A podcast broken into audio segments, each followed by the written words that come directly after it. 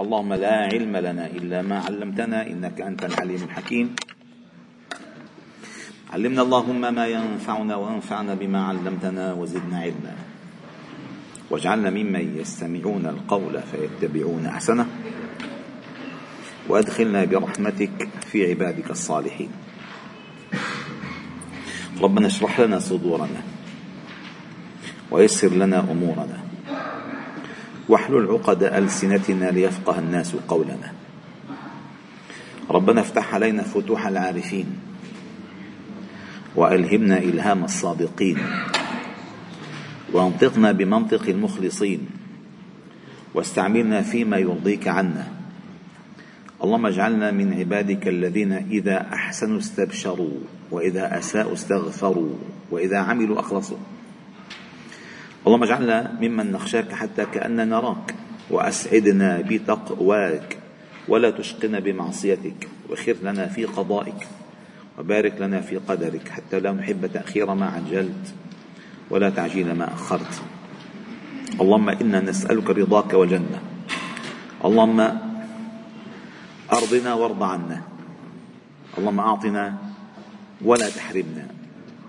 وأكرمنا ولا تهنا وارفعنا ولا تضعنا وآثرنا ولا تؤثر علينا. اللهم إنا نسألك الهدى والتقى والعفاف والغنى. نسألك اللهم من الخير كله عاجله وآجله ما علمنا منه وما لم نعلم. ونعوذ بك من الشر كله عاجله وآجله ما علمنا منه وما لم نعلم. سبحان الله والحمد لله ولا إله إلا الله والله أكبر. ولا حول ولا قوة إلا بالله العلي العظيم عدد خلقه ورضا نفسه وزنة عرشه ومداد كلماته. اللهم افتح علينا أبواب الرحمة وأنطقنا بالحكمة واجعلنا من الراشدين. فضلا منك ونعمة وبعد أيها الأحباب الكرام لا نزال معكم في كتاب الشفاء بتعريف حقوق المصطفى صلى الله عليه وسلم للإمام القاضي أبي الفضل عياض رحمه الله تعالى. قال رحمه الله الإمام القاضي عياض. فصل في القول في عصمة الملائكة عليهم السلام. سبعة وستون؟ سبعة وستون. السابع والستون. مين مين مولد 67 هون؟ أنا بالكون. هزيمة العرب. مولد 37 معك أستاذ عامر كان مولد 63 67 هزيمة العرب. الهزيمة هزيمة النكراء بست ساعات. ست ساعات. الحمد لله. المهم هذا يعني إذا مشان تفهموا الجيل المهزوم. ولد بالهزيمة. كل أجواء الهزيمة مع أم كلثوم ولدان فيها جيل 67 كلها. غراء الحب والسكارى مثلنا. كل ولدان بالسكارى يعني مثلنا. آه، فهذا خطيرة المسألة لأن المرحلة هي مرحلة التدني الفكري. ما استطاع العدو أن يلج إلى صميم الفكر العربي مسلم العربي عم بحكي العربي لأن غزوتهم عن المنطقة العربية. ما استطاع العدو أي عدو كان من الداخل المخارج أن يلج إلى صميم العقل الفكري إلا بعد تمهيدات ضخمة أسستها المسارح العربية والأغاني العربية والمسلسلات العربية والفنانان العربية و و أسسوها فلقوا نفسهم آه، خص يعني أرض خصبة لزرع فتنهم أرض خصبة خصبة. سبحان الله. فالمهم نحن سندخل الآن في عالم الملائكة. وقبل أن ندخل إلى هذا الفصل لابد أن نمهد له بتمهيد أطهر عالم في, الع... في الكون عالم الملائكة. مخلوقات نورانية بطاعة جبلية. تسبيح تقديس تحميد تهليل. ما من موضع شبر في السماء إلا وفيها ملك قائم أو راكع أو ساجد. فأطت السماء من ثقلهم. أطت السماء وحق لها أن تأط ما فيها من موضع إلا وفيها ملك قائم أو راكع أو ساجد. ملائكة. لا يعصون الله ما أمرهم. يسبحون الليل والنهار لا يفترون. لا يستكبرون عن عبادته. كله ملائكة مطهرة. كرام بررة. سفرة.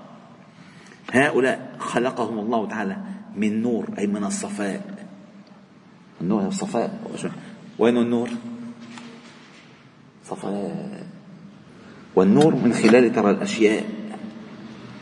من خلال ترى الأشياء. وبها وبها ترى أنت.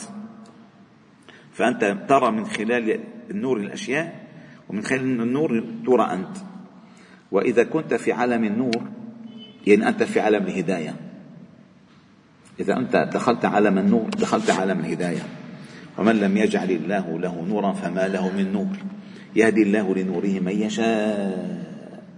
وعالم الملائكة بما أنه عالم نوراني. يعني كلما كنت قريبا منه كلما كنت بعيدا عن الظلام. كلما كنت بعيدا عن الظلام. وما أجمل الإنسان في هذه الحياة أن تكون رفقته الملائكة. لأن الملائكة شئت أن أبيتهم معك. فإما أن تصاحبهم تصاحبهم وإما أن يكونوا عليك. فإما أن يكونوا لك وإما أن يكونوا عليك. ما يلفظ من قول إلا لديه عقيب عتيد له معقبات من بين يديه ومن خلفه يحفظونه من أمر الله. كل إنسان في هذه الحياة له عشر ملائكة. كل إنسان. لما بفيه.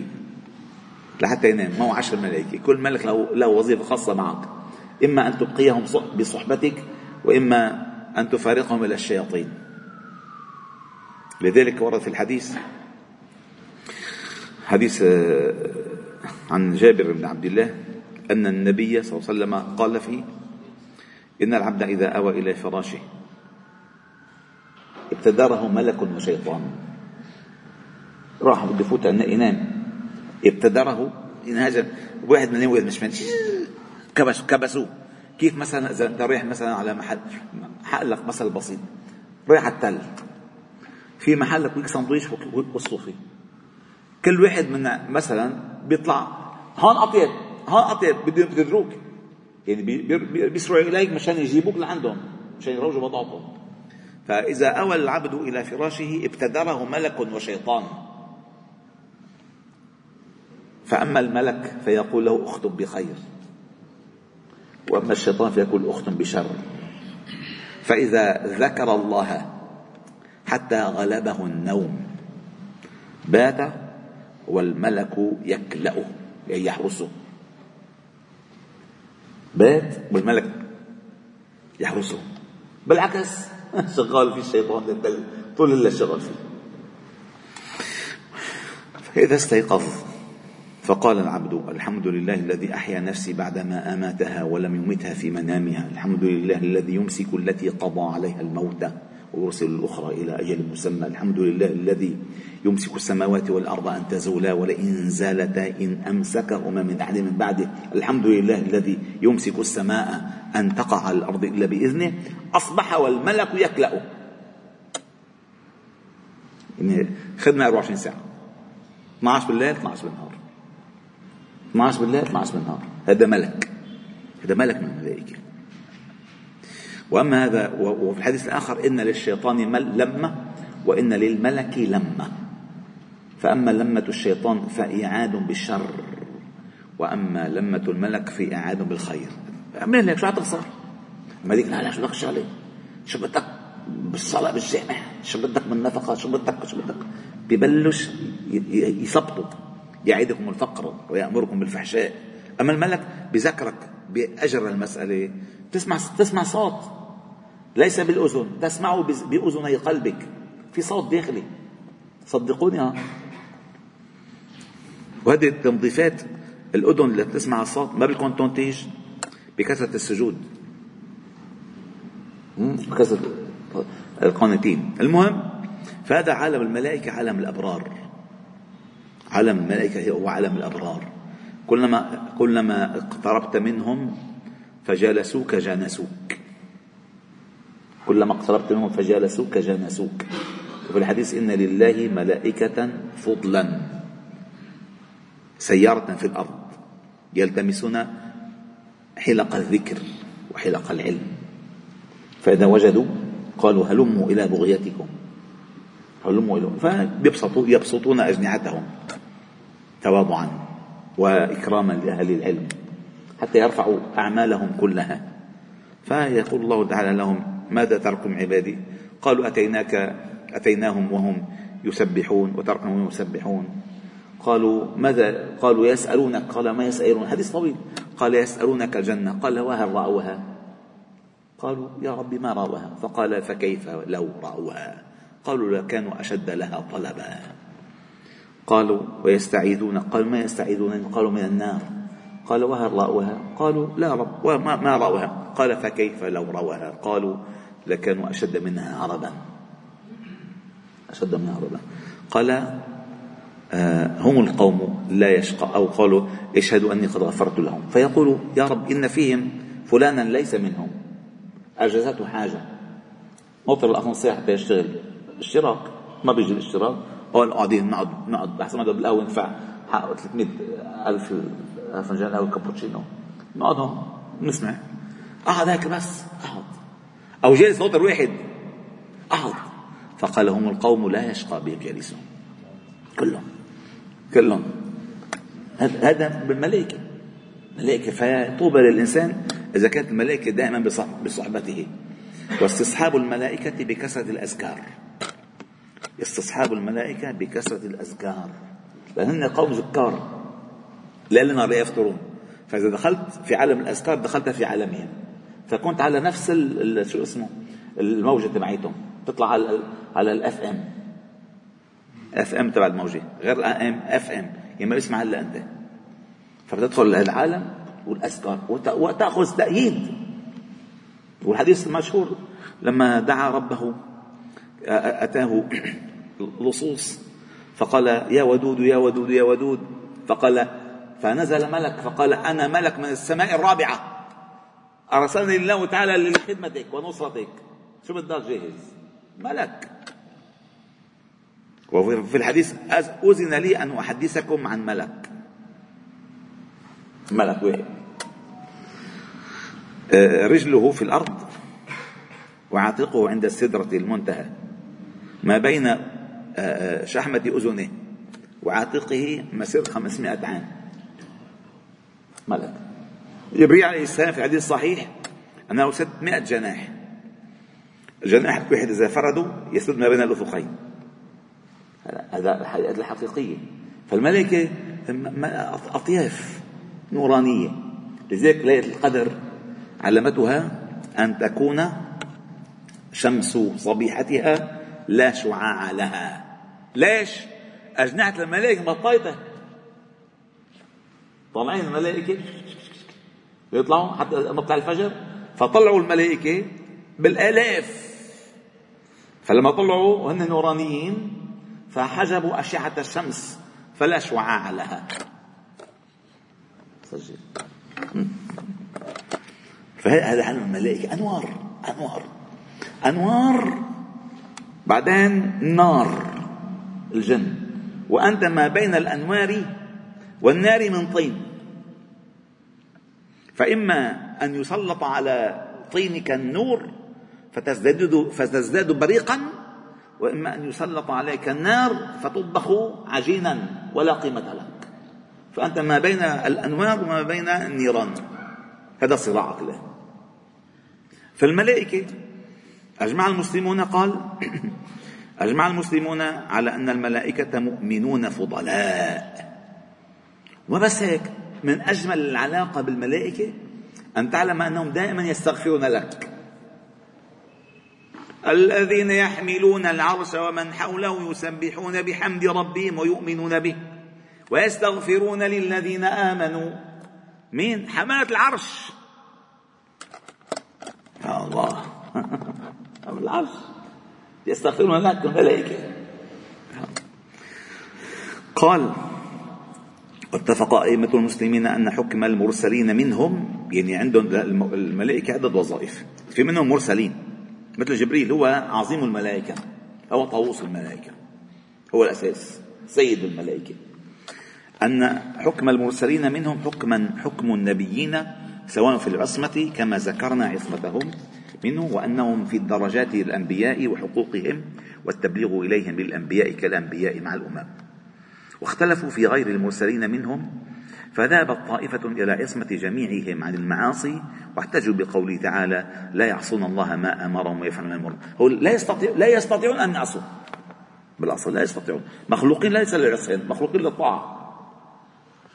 وقوله تعالى وما منا إلا له مقام معلوم وإنا لنحن الصافون وإنا لنحن المسبحون وقوله تعالى ومن عنده لا يستكبرون عن عبادته ولا يستحسرون يسبحون الليل والنهار لا يفترون وقوله تعالى إن الذين عند ربك لا يستكبرون عن عبادته ويسبحون وله يسجدون وقوله تعالى كرام بررا.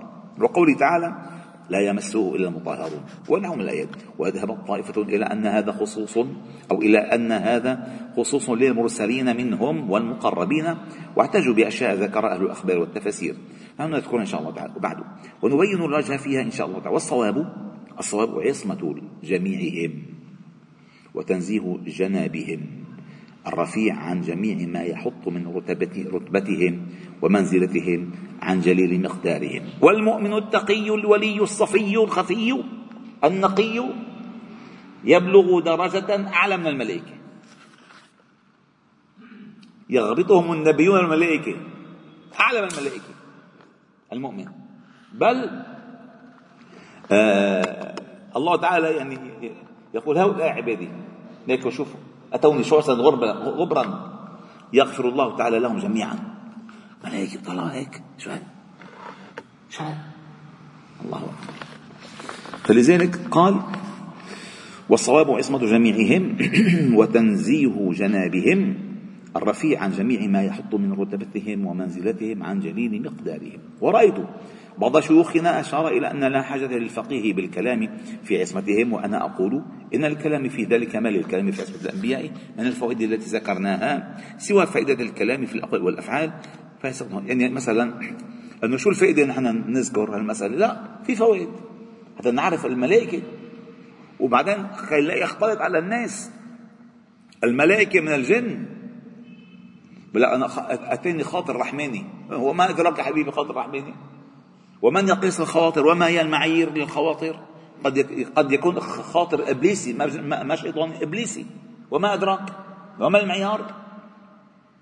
المعيار أنت. كي نسبحك كثيرا ونذكرك كثيرا. كلما كنت في الذكر الكثير سيأتوك الملائكة. أما غفلة خاطر خاطر رحماني. ما في ملائكة. جبريل لن ينزل إلى الأرض. خلاص. لن ينزل إلى الأرض بالوحي. انتهى الوحي. فما احتج به من لم يوجب عصمة جميعهم قصة هاروت وماروت. هلا قصة هاروت وماروت اسمعوا هذه كثير خطيرة ومهمة وهي بسيطة. أنا شرحتها منذ زمن بعيد أول ما بدأنا بسورة البقرة. ولكن قبل أن ندخل في عالم هاروت وماروت وهل هما ملا وهل هما ملكان أو ملكان. وهل هما ابتلاء هما ابتلاء ولا امتحان ولا حقيقة. أولا للملائكة الله تعالى أعطاهم خاصية التمثل التمثل. التمثل بما يقدر الله لهم. و قصص كثيرة جدا. من أشهرها. من أشهرها. حديث صحيح مسلم. أن الله تعالى أحب أن يبتلي إن, إن ثلاثة نفرا ثلاثة نفر من بني إسرائيل أحب الله أن يبتليهم. هلا لما بترسع ابتلاء يعني بده ياخذ لهم شيء. الابتلاء عادة بياخذ شيء منهم شو هذا الرجل؟ أعمى. وأقرع. وأجزم. ما مبتلين كيف يبتليهم؟ أن يبتليهم بالإبصار. بالإبصار وصحة الجلد وأنبات الشعر. أي يبتليهم بالعطاء فأرسل إلى كل واحد منهم ملكا على صورته. لأن الملائكة تتمثل. ومن هنا يمكن أن نأخذ كلام أن يجوز التمثيل. أن تأخذ دور عمر أن تأخذ دور أبو بكر أن تأخذ التمثيل عقلا ونقلا صح صح. كيف بدك كيف بدك تأنه على الزلمة هو هيك كان؟ بتمثل دوره. فإذا الملك مثل دور الأعمى. ومثل دور الأقرع ومثل دور الأزام هو ليس أزام وليس أقرع وليس كذا. ولكن من عشان يعطيك الصورة الحقيقية التي تؤثر. تؤثر بالحقيقة يعطيك التمثيل. فعندهم خاصية التمثيل. والملائكة لو نزلت إلى إلى البشر لا ما رآها الناس إلا بصورة البشر. أبدا. دحي الكلبي. وجبريل جبريل عليه السلام نزل إلى مريم فتمثل لها بشرا. سويا أبدا. لن يستطيع أحد أن يرى الملائكة كما هي. مثلا رأى جبريل على هيئته مرتين. أول مرة خر. شو جبريل؟ جبرائيل. عظيم الملائكة. فالمهم فمن فمما احتج به من لم يوجب عصمة جميعهم قصة هاروت وماروت وما ذكر فيها أهل الأخبار ونقلة المفسرين وما روي عن علي وابن عباس في خبرهما وابتلائهما فاعلم. وفقك الله تعالى أن هذه الأخبار لم يروى منها شيء لا سقيم ولا صحيح عن النبي صلى الله عليه وسلم وليس هو في شيء يؤخذ بقياس. ما في تقيس ما في نصوص. اجتهادات مفسرين يعني عم يحكوا من عندهم بس ما في نصوص. والذي منه في القرآن اختلف المفسرون في معناه وأنكر بعضهم قول بعض. وأنكر أيضا ما قال بعضهم فيه كثير من السلف كما سنذكره وهذه الأخبار من كتب اليهود وافتراءاتهم لأن أصلا بيكرهوا الملائكة. اليهود بيكرهوا الملائكة مع خبر؟ بيكرهوا الملائكة. بيكرهوا رئيسهم جبريل. قل من كان عدوا لجبريل. فإنه قال من يأتيك؟ بالوحي. قال جبريل قال هذا الذي يأتي بالدمار. لأن جبريل عليه السلام كلف بالوحي وبالإهلاك. هذه من وظائفه. قال هذا الذي يأتي الدمار لو أتانا لو أتانا ميكائيل لأحببناه. ليش ميكائيل بيجي بالرزق بالدولار؟ بالمصاري. بدهم رزق ما بدهم قتل إن لازم بدهم قتل فالله تعالى قال قل من كان عدوا لجبريل فإنه نزله على قلبك بإذن الله مصدقا لما بين يديه. من كان عدوا ما بدون ميكال من كان عدوا لله وملائكته ورسله وجبريل وميكال يعني من كان عدوا لجبريل كان عدوا لميكال. فإن الله عدو للكافرين. في سياق هذه الآيات ذكر الله هاروت وماروت. لما بعدها بثلاث آيات. واتبعوا ما تتلو الشياطين على ملك سليمان وما كفر سليمان. إلى آخره. فسيأتي التفصيل. قال وهذا الأخبار من كتب اليهود وافترائهم كما نص الله تعالى في أول الآيات من افترائهم بذلك على سليمان عليه السلام وتكفيرهم إياه. وما كفر سليمان؟ شو قالوا أنه هذا سليمان بيجي الشياطين قال بيجي الشياطين ما بيجي ما عنده وحي. وبدهم يعمروا هيك سليمان. ما كانوا مكفرين ولا سليمان أصلا. وقد انطوت القصة على شنع عظيمة ونحن نحبر في ذلك ما يكشف عن غطاء هذه الإشكالات إن شاء الله تعالى. فاختلف. أولا في هاروت وماروت هل هما ملكان أو إنسيان؟ وهل هما المراد بالملكين أم لا؟ وهل القراءة ملكين أو ملكين بفتح اللام أو بكسرها؟ أو بهما جميعا وهل ما في قوله تعالى وما أنزل على الملكين وما يعلمان من أحد نافية أو موجبة موصولة؟ يعني ما أنزل ولا الذي أنزل؟ كمان كل شيء يحتمل. فلما نفصل الموضوع نفهم. اولا لذلك لما قال لك بحاجة نحن نفهم عصمه الملائكه مشان نقدر ما نحمله للملائكه ما لا يليق. فلا يليق بملكين أن يفعلان ذلك. إنما الله أرسلهم لتعليم الناس السحر حتى يميزوا بينه وبين الوحي. فلا يختلط عليهم أمر فقال فأكثر المفسرين قالوا إن هذا الحق يعني. إن الله امتحن الناس بالملكين لتعليم السحر وتبيينه وأن عمله كفر فمن تعلمه كفر ومن تركه آمن. قال الله تعالى عنهما إنما نحن فتنة فلا تكفر. وتعليمهما للناس له تعليم إنذار أي يقولان لمن جاء يطلب تعلمه لا تفعلوا كذا فإنه فرغ وزوجه ولا تتحيلوا بكذا فإنه سحر ولا تكفروا والآية واضحة على البقرة كلها. فعلى هذا فعل الملكين طاعة وتصرفهما فيما أمرا به ليس بمعصية وهي لغيرهما فتنة. وروى ابن وهب عن خالد بن أبي عمران أنه ذكر عنده هاروت وماروت وأنواع من السحر فقال نحن ننزههما عن ذلك فقرأ بعضهم وما أنزل على الملكين؟ فقال خالد لم ينزل عليهما وما أنزل؟ أي لم ينزل. فهذا خالد على جلالة علمه وعلمه نزههما عن تعليم السحر الذي قد ذكر غيره أنهما مأذون لهما في تعليمه بشرط أن يبينا أنه كفر وأنه امتحان من الله تعالى وابتلاء فكيف لا ننزههما عن كبائر المعاصي والكفر والمذكورة في تلك الأخبار؟ وقول خالد لم ينزل يريد أنما نافية وهو قول ابن عباس قال مكي وتقدير كلامه وما كفر سليمان وما أنزل على الملكين وما يعلن. فهمت كيف؟ ما ما أي تابع على النفي وما أنزل على الملكين. يريد السحر الذي افتعلته عليه الشياطين واتبعتهم في ذلك اليهود. وما أنزل على الملكين؟ قال مكي هما جبريل وميكائيل. ادعى اليهود عليهما المجيء به. كما ادعوا على سليمان فكذبهم الله تعالى بقوله في ذلك لكن ولكن الشياطين كفروا يعلمون الناس السحر وما أنزل على الملكين ببابل هاروت وماروت أي السحر الذي يتعلمه الناس من يعلمه الشياطين؟ والملائكة نزلوا ينبهوا الناس عنه. لأن سليمان ما يفعله كان العقل ما بيحدوه فمشان يميزوا الناس ما بين سحر الشياطين. ووحي تنزيل من تسخير الله تعالى له المعجزات.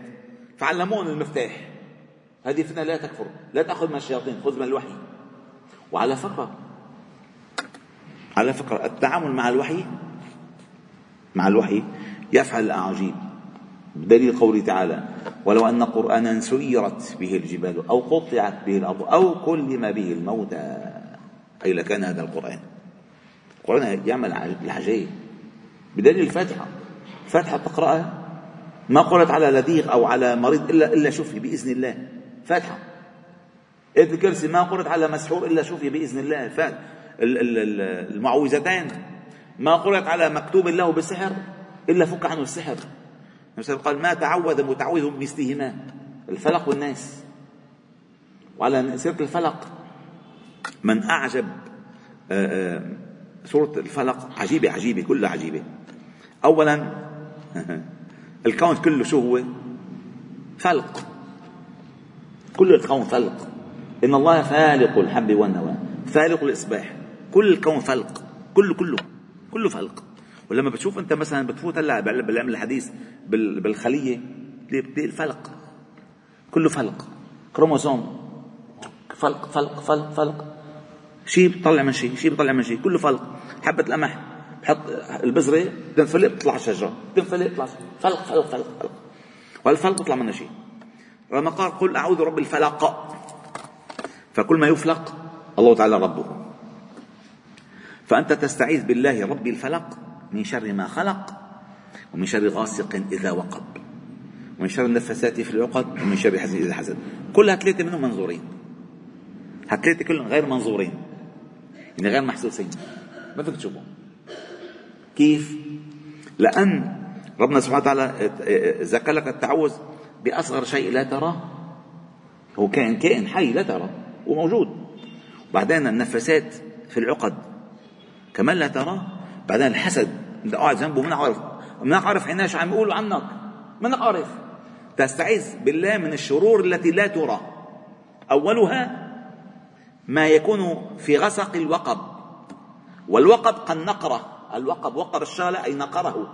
وجسمك أنت جسمك كله منقور مسامك مفتوحة. مسامك مفتوحة. تدخل عليك البكتيريا من أنفك من تمك من دانتك من جلدك. وتفوت وتتفلق جوا تتكاثر. فأنت تتعوذ من شر غاسق إذا وقب إذا دخل إليك. فتتعوذ بالله من كل الكائنات الغير مرئية. غير مرئية تدخل فيك. بعدين من المسحورات اللي تنفس في العقد وتأتيك شرها ومن الحاسد اللي قاعد جنبه عم يحسدك. لك هذاك منك عارف. فإذا تعوذ بالله من شرور المخفية الغير مرئية غير مرئية إنهم يرون إنه يراكم هو وقبيله من هذا هلا الآن كل هذا المراقبة كلها ضمن الشياطين. فالمهم السحر اللي علمه الكفرة الشياطين. قال تعالى واتبعوا ما تتلو الشياطين على ملك سليمان وما كفر سليمان ولكن الشياطين كفروا. يعلمون الناس السحر وما أنزل على الملكين ببابل هاروت وماروت وما يعلمان من أحد حتى يقولا إنما نحن فتنة فلا تكفر. فيتعلمون منهما ما يفرقون به بين المرء وزوجه وما هم بضارين به من أحد إلا بإذن الله. ويتعلمون ما يضرهم ولا ينفعهم. ولقد علموا لمن اشتراه ما له في الآخرة من خلاق. ولبئس ما شروا به أنفسهم لو كانوا يعلمون. هي واضحة. هي اللي بس بدها تفكر. من غير أن تقرأ الإسرائيليات. تتفكر في سياق السياق اللغوي المدلول اللفظي الاستعمال العقدي اللي عندك أنت عندك خلفية عقدية عن الملائكة عن الدين عن القرآن عن الوحي عن السحر عن الشياطين. فبتعطي كل واحد مقامه. تفهم. أما بدك تقرأ شو قال ببني إسرائيل ما بتستفيد شيء. فإذا سياق القصة أنه الملكين ما كانوا آه، ما كانوا ساحرين. إنما ما عندهم من علم السحر يذكرون للناس حتى يتحذر الإنسان من السحر من الوحي. فقال ولكن الشياطين كفروا يعلمون الناس السحر وما أنزل على الملكين ببابل هاروت وماروت بابل يعني بابل معروفة اللي هي بالعراق.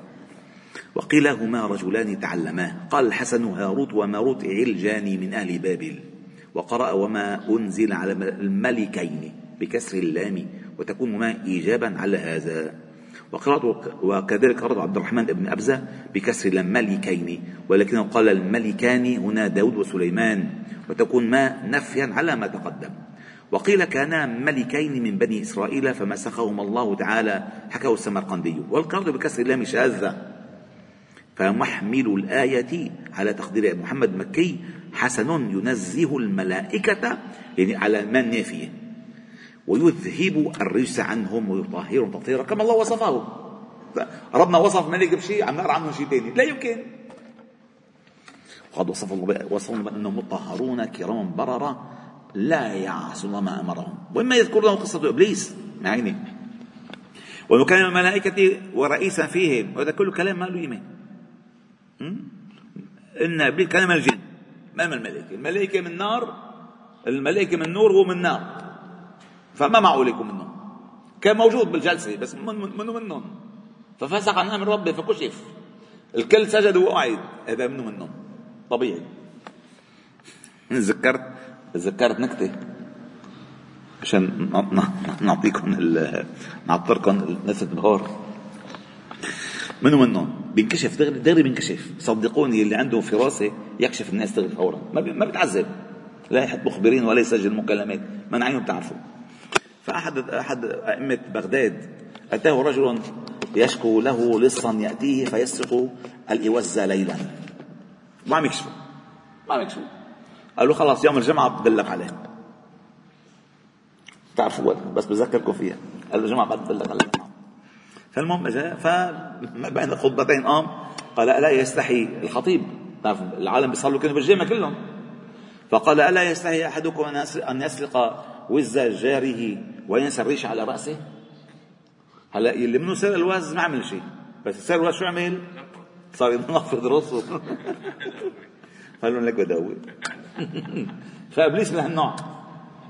إبليس من النوع الناري لما أمر النور بالسجود سجد. النار وقف أنا خلقتني من نار وخلقته من طين.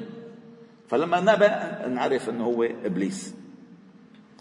ففسق فسق أي صار فسوق وخروج عن طاعة الله فقال وما يذكرون قصة إبليس؟ أنه كان من الملائكة والإنسان فيهم ومن خزان الجنة إلى آخر ما حكوه.